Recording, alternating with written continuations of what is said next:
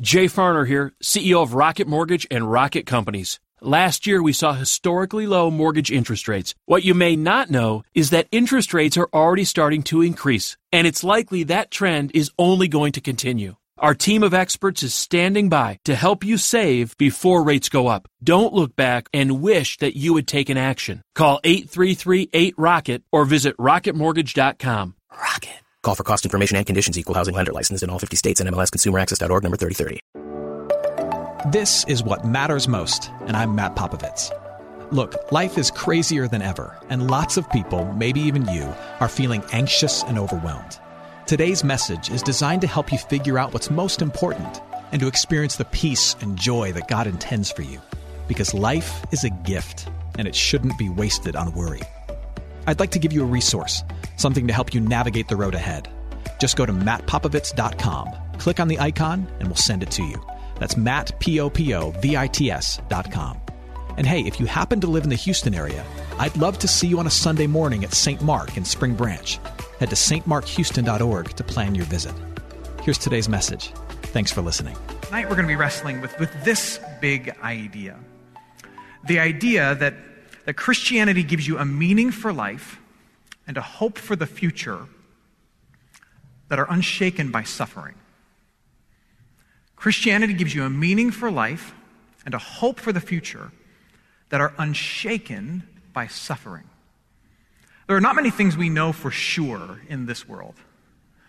But one of the things, and I hate to be a downer, but one of the things we, we do know is that bad things happen. It's not really a matter of, of if, but, but when and to what degree suffering or struggle will come your way. And any worldview worth having, worth holding, worth, worth living with and living for should be one that can hold up well in the face of that suffering and that struggle. And if you don't believe me, then I want to introduce you to a man named Job. Job is a, a, character in the Old Testament of the Christian scriptures who knows suffering probably better than anyone. Job chapter 1, the second half of the chapter, we watch as his world falls apart. He loses his livelihood, he loses his family, he loses every perceivable thing a human being could say that they were living for. And yet, in the end, as we'll notice, his faith is unshaken. Let me just read this to you Job chapter 1, starting at verse 13. There was a day when Job's sons and daughters were eating and drinking wine in their oldest brother's house.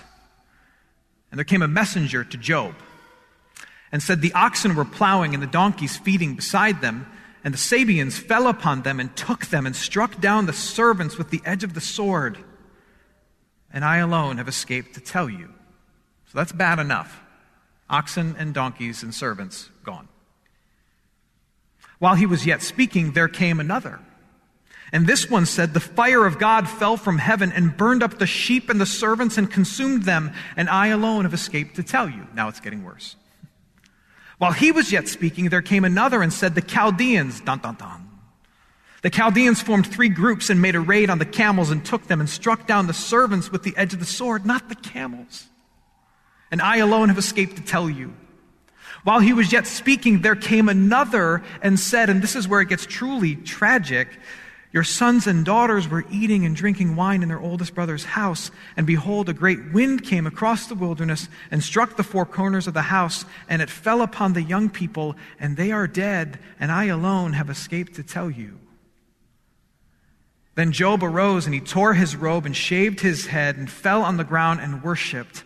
And he said, Naked I came from my mother's womb, and naked shall I return. And here's where the really profound expression of faith comes in. He says, The Lord gave, and the Lord has taken away. Blessed be the name of the Lord. In all of this, Job did not sin or charge God with wrong. Job loses everything. And yet, in the face of indescribable loss, It seems as though, though he is shaken, his faith and his relationship with God is not shaken. And what is it about Job's way of seeing the world, about his particular faith, that allows it to stand strong in the face of such unspeakable tragedy? That's what I want to talk about tonight. And the reason this conversation is important is because I, I will share with you, I, I firmly believe that not all worldviews are created equal. All worldviews should be respected, but not all worldviews are created equal. Not all religions are created or made or are fundamentally equal. We like to say that, that everyone's kind of climbing up the same mountain. And please pardon my crude drawings. We like to say in our culture that that everybody's trying to climb up the same mountain in life. That we all start at different points, but we're all trying to get to the same place, and we all kind of end up in the same place through our own different or particular way. You may climb up the mountain having grown up in Islam. I might climb up the mountain growing up in Christianity. You might climb up the mountain being a secular humanist. But it's common in our culture to say we're all trying to get to the same place. And in general, we all get there. We're all trying to get to a place of meaning and purpose of feeling like we are somehow touched with the, touching the divine, however we decide to define it. But we're all going up the same mountain, headed towards the same place in our own particular way. But I would say to you that perhaps a truer expression is found if we flip the mountain upside down. I don't think we end up in the same place, but I do think we start in the same place. I think we all start born into this world afraid and lost and lonely and wondering how to make sense of it all. And then we each grab on to something that helps us make sense. So we, we latch onto some system of belief or some worldview, some faith that helps us make sense of it. And then we go on our journeys and we then go in very different directions. And though we start in the same place, we tend to end up worlds apart. You see, the worldview of a secular humanist is, if we're being honest, fundamentally different than the worldview of a Buddhist, and the worldview of a Buddhist is, in the end, very different than the worldview of a Christian. And, and, simple logic will tell you that they don't end up in the same place, and to equate them and say that they do is to do offense to all three of them. They don't end up in the same place. And so a wise person will say, well, which one is going to offer me the best defense against a world of suffering and struggle that we've already said is inevitable? If we think that hardship is going to come, then I have to do the rigorous work of examining the worldview I've chosen to latch onto, my path down the side of the mountain, so to speak, and see whether or not it's going to be able to withstand the storm that comes. That's what a wise person does. That's why this conversation is worthwhile. The foundation you build your worldview on matters. And to paint in broad strokes, your foundation can be built in essence upon two things. Your foundation of your worldview, your, your belief system, your religion, whatever you want to call it, your, your structure upon which you hang your purpose in life and your hope for the future can be built upon one of two things. It will either be built upon earthly, tangible things, or it will be built primarily on, on higher, for lack of a better phrase, heavenly things. For example, take a secular humanist worldview. A secular, non religious, humanist worldview says that the most important things in the world are the things that we can see.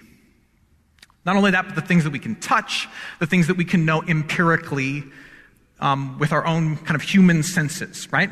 And that any meaning or purpose we have in this life is a sense of meaning and purpose that we derive or we create for ourselves in this life. The most important things the things that I see, and any meaning or purpose as a human being is going to be a meaning and purpose that I craft for myself in this life. And so my sense of ultimate purpose may be being a good dad. It may be building my career and creating a name for myself. That's my self created purpose for my life. And the hope that I have and my ability to live out that purpose is anchored solely in me or in other people who can give me wisdom and assistance and help and guidance and in tried and true principles.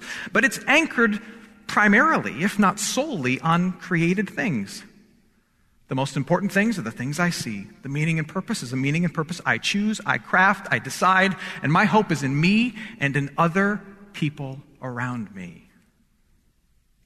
Now, contrast that with a, a religious worldview.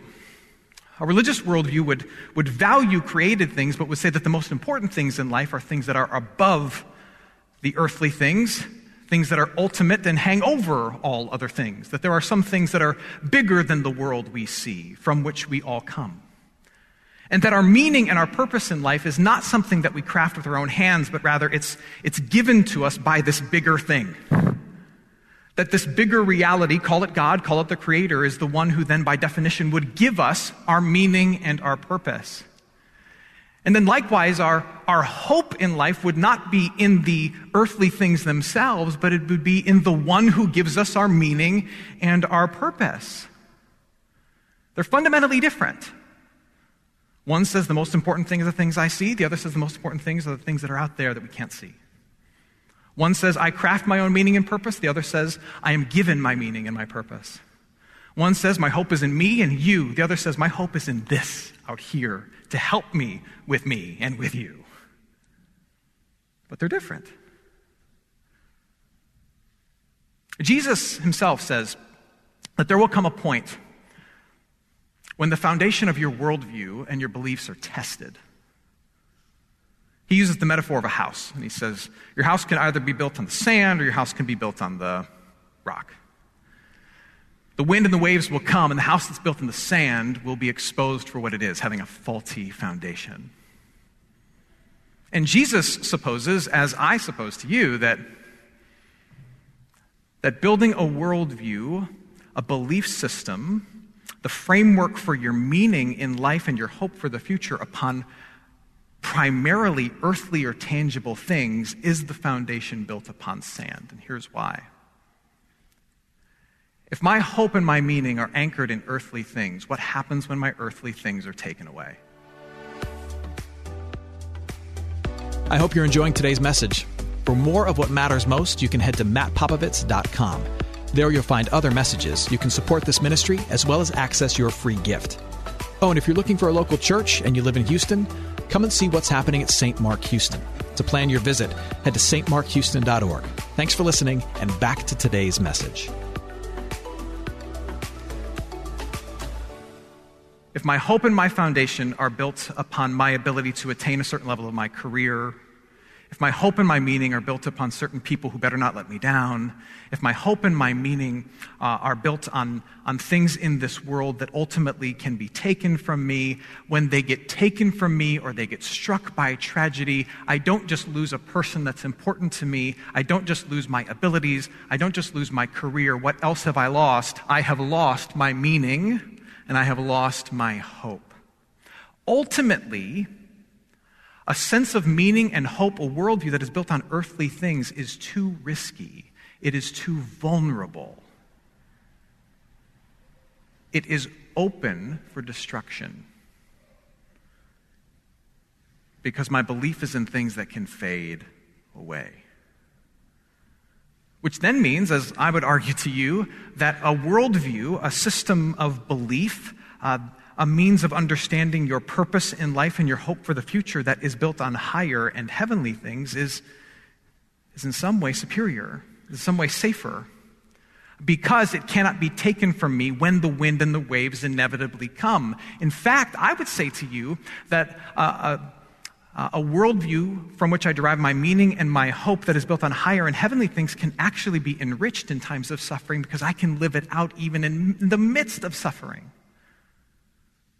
So, for example, if I believe that my meaning and purpose come from God and my whole, my whole life exists to say, love my neighbor and glorify him, that is something I can do whether I'm living in a prison or in a palace.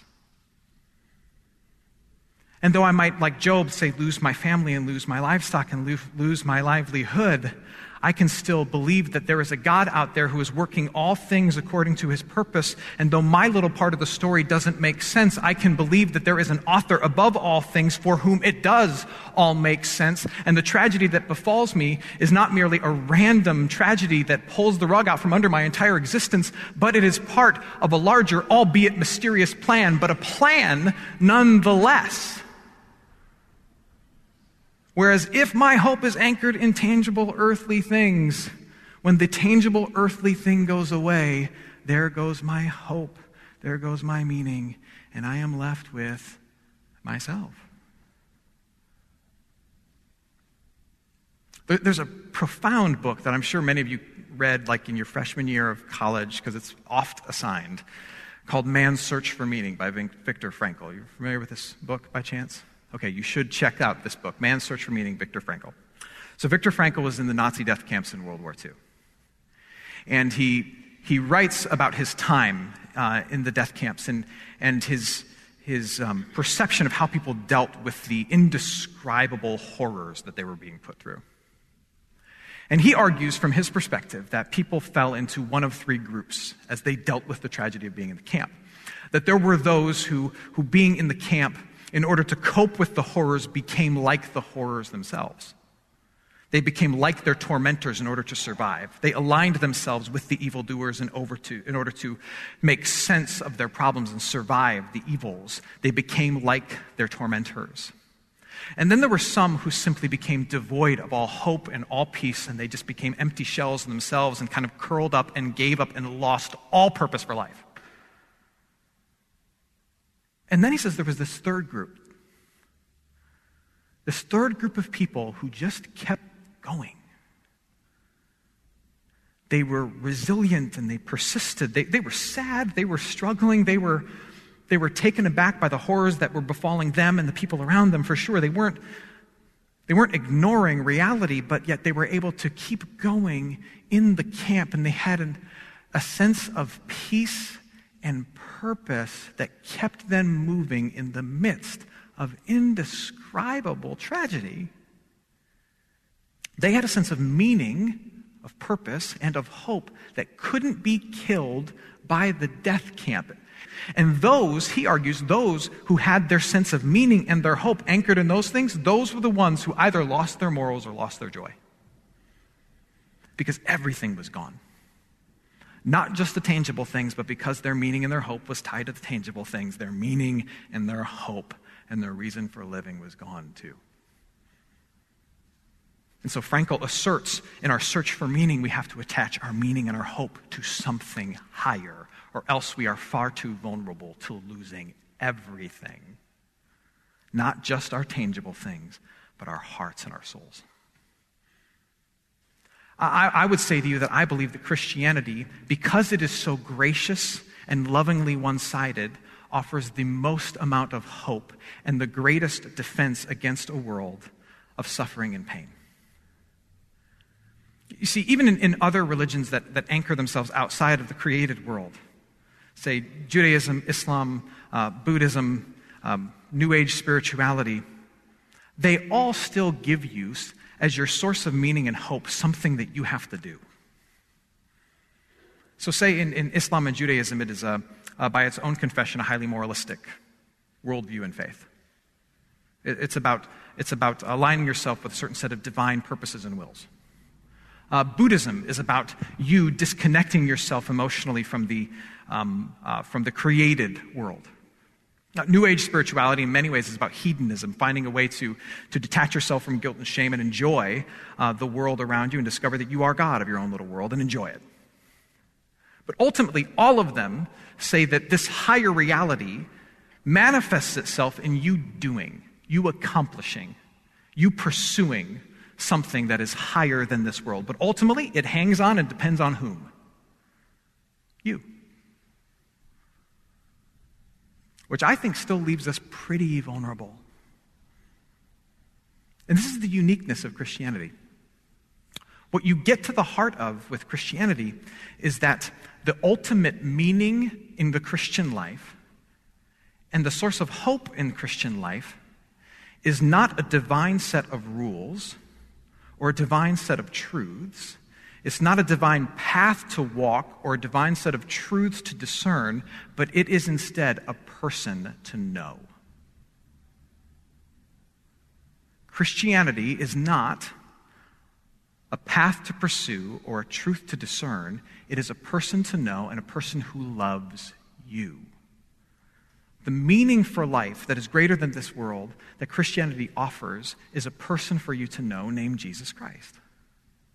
That the whole meaning for your existence is to know the love of God through Jesus, which is something that can be lived out not just in times of, of success and of joy, but in particular in times of struggle. Where in moments of weakness, we are well aware of our need for this person of Jesus, and we can call out to this person named Jesus. Not only do we discover that, that the meaning of life is to know a person, not follow a set of rules, but we discover that this person is not something we have to chase down, as in every other religion, where we discover the divine prerogative for our life, but that this, this person comes to us and he pursues us. Unfolding at the center of the Christian story is, is the meaning of life not being found by us, but finding us.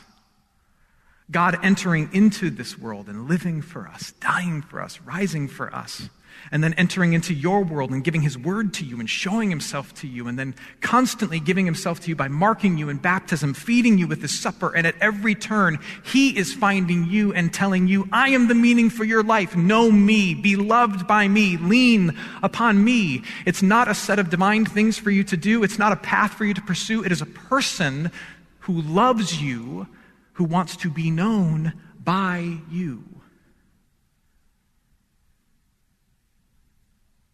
And that's what makes Christianity fundamentally different. In particular, in the face of suffering and struggle.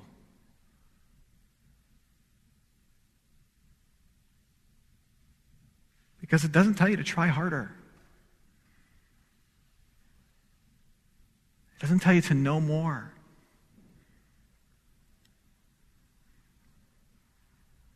It just tells you you are loved. You are not forgotten. You are His.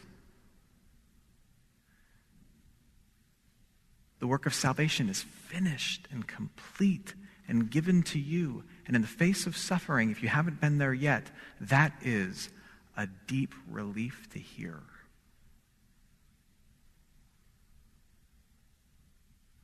Job lost everything. I mean, you read it with me, verse by verse. He lost his camels. I mean, come on.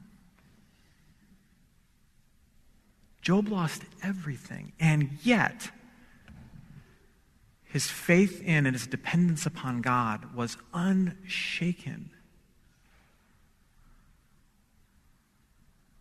What is it about his worldview that makes it able to withstand suffering? What is it about his worldview that allowed him, even though he lost all the things that he loved, to hold tight to the truth and the goodness of God? It's because his sense of meaning and hope was not anchored in the things that he loved. But it was in someone and something greater. What is the foundation upon which you are building your garage, so to speak? And is it something that will be knocked down when the wind and the rains come? And if, and, and, this is a big if, but, but if everything in your life gets knocked down by the winds and the rain when they come, will your source of hope and meaning still be standing? And if your source of hope and meaning is still standing, will it be a divine set of rules for you to follow? A set of divine otherworldly truths for you to discern? Or will it be a person? A person saying to you, Lean upon me, cry out to me, trust in me, listen to me. You are loved by me.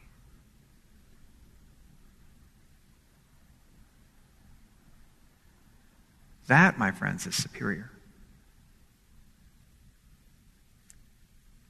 That will withstand the storm. And that is what we have. Hey, it's Matt. I hope you enjoyed what matters most. Here's what I need you to know life is a gift, and it shouldn't be wasted on worry. I want to help you figure out what's most important and to experience the peace and joy that God intends for you. So, for more content, you can head to mattpopovits.com. That's Matt, P O P O V I T S.com.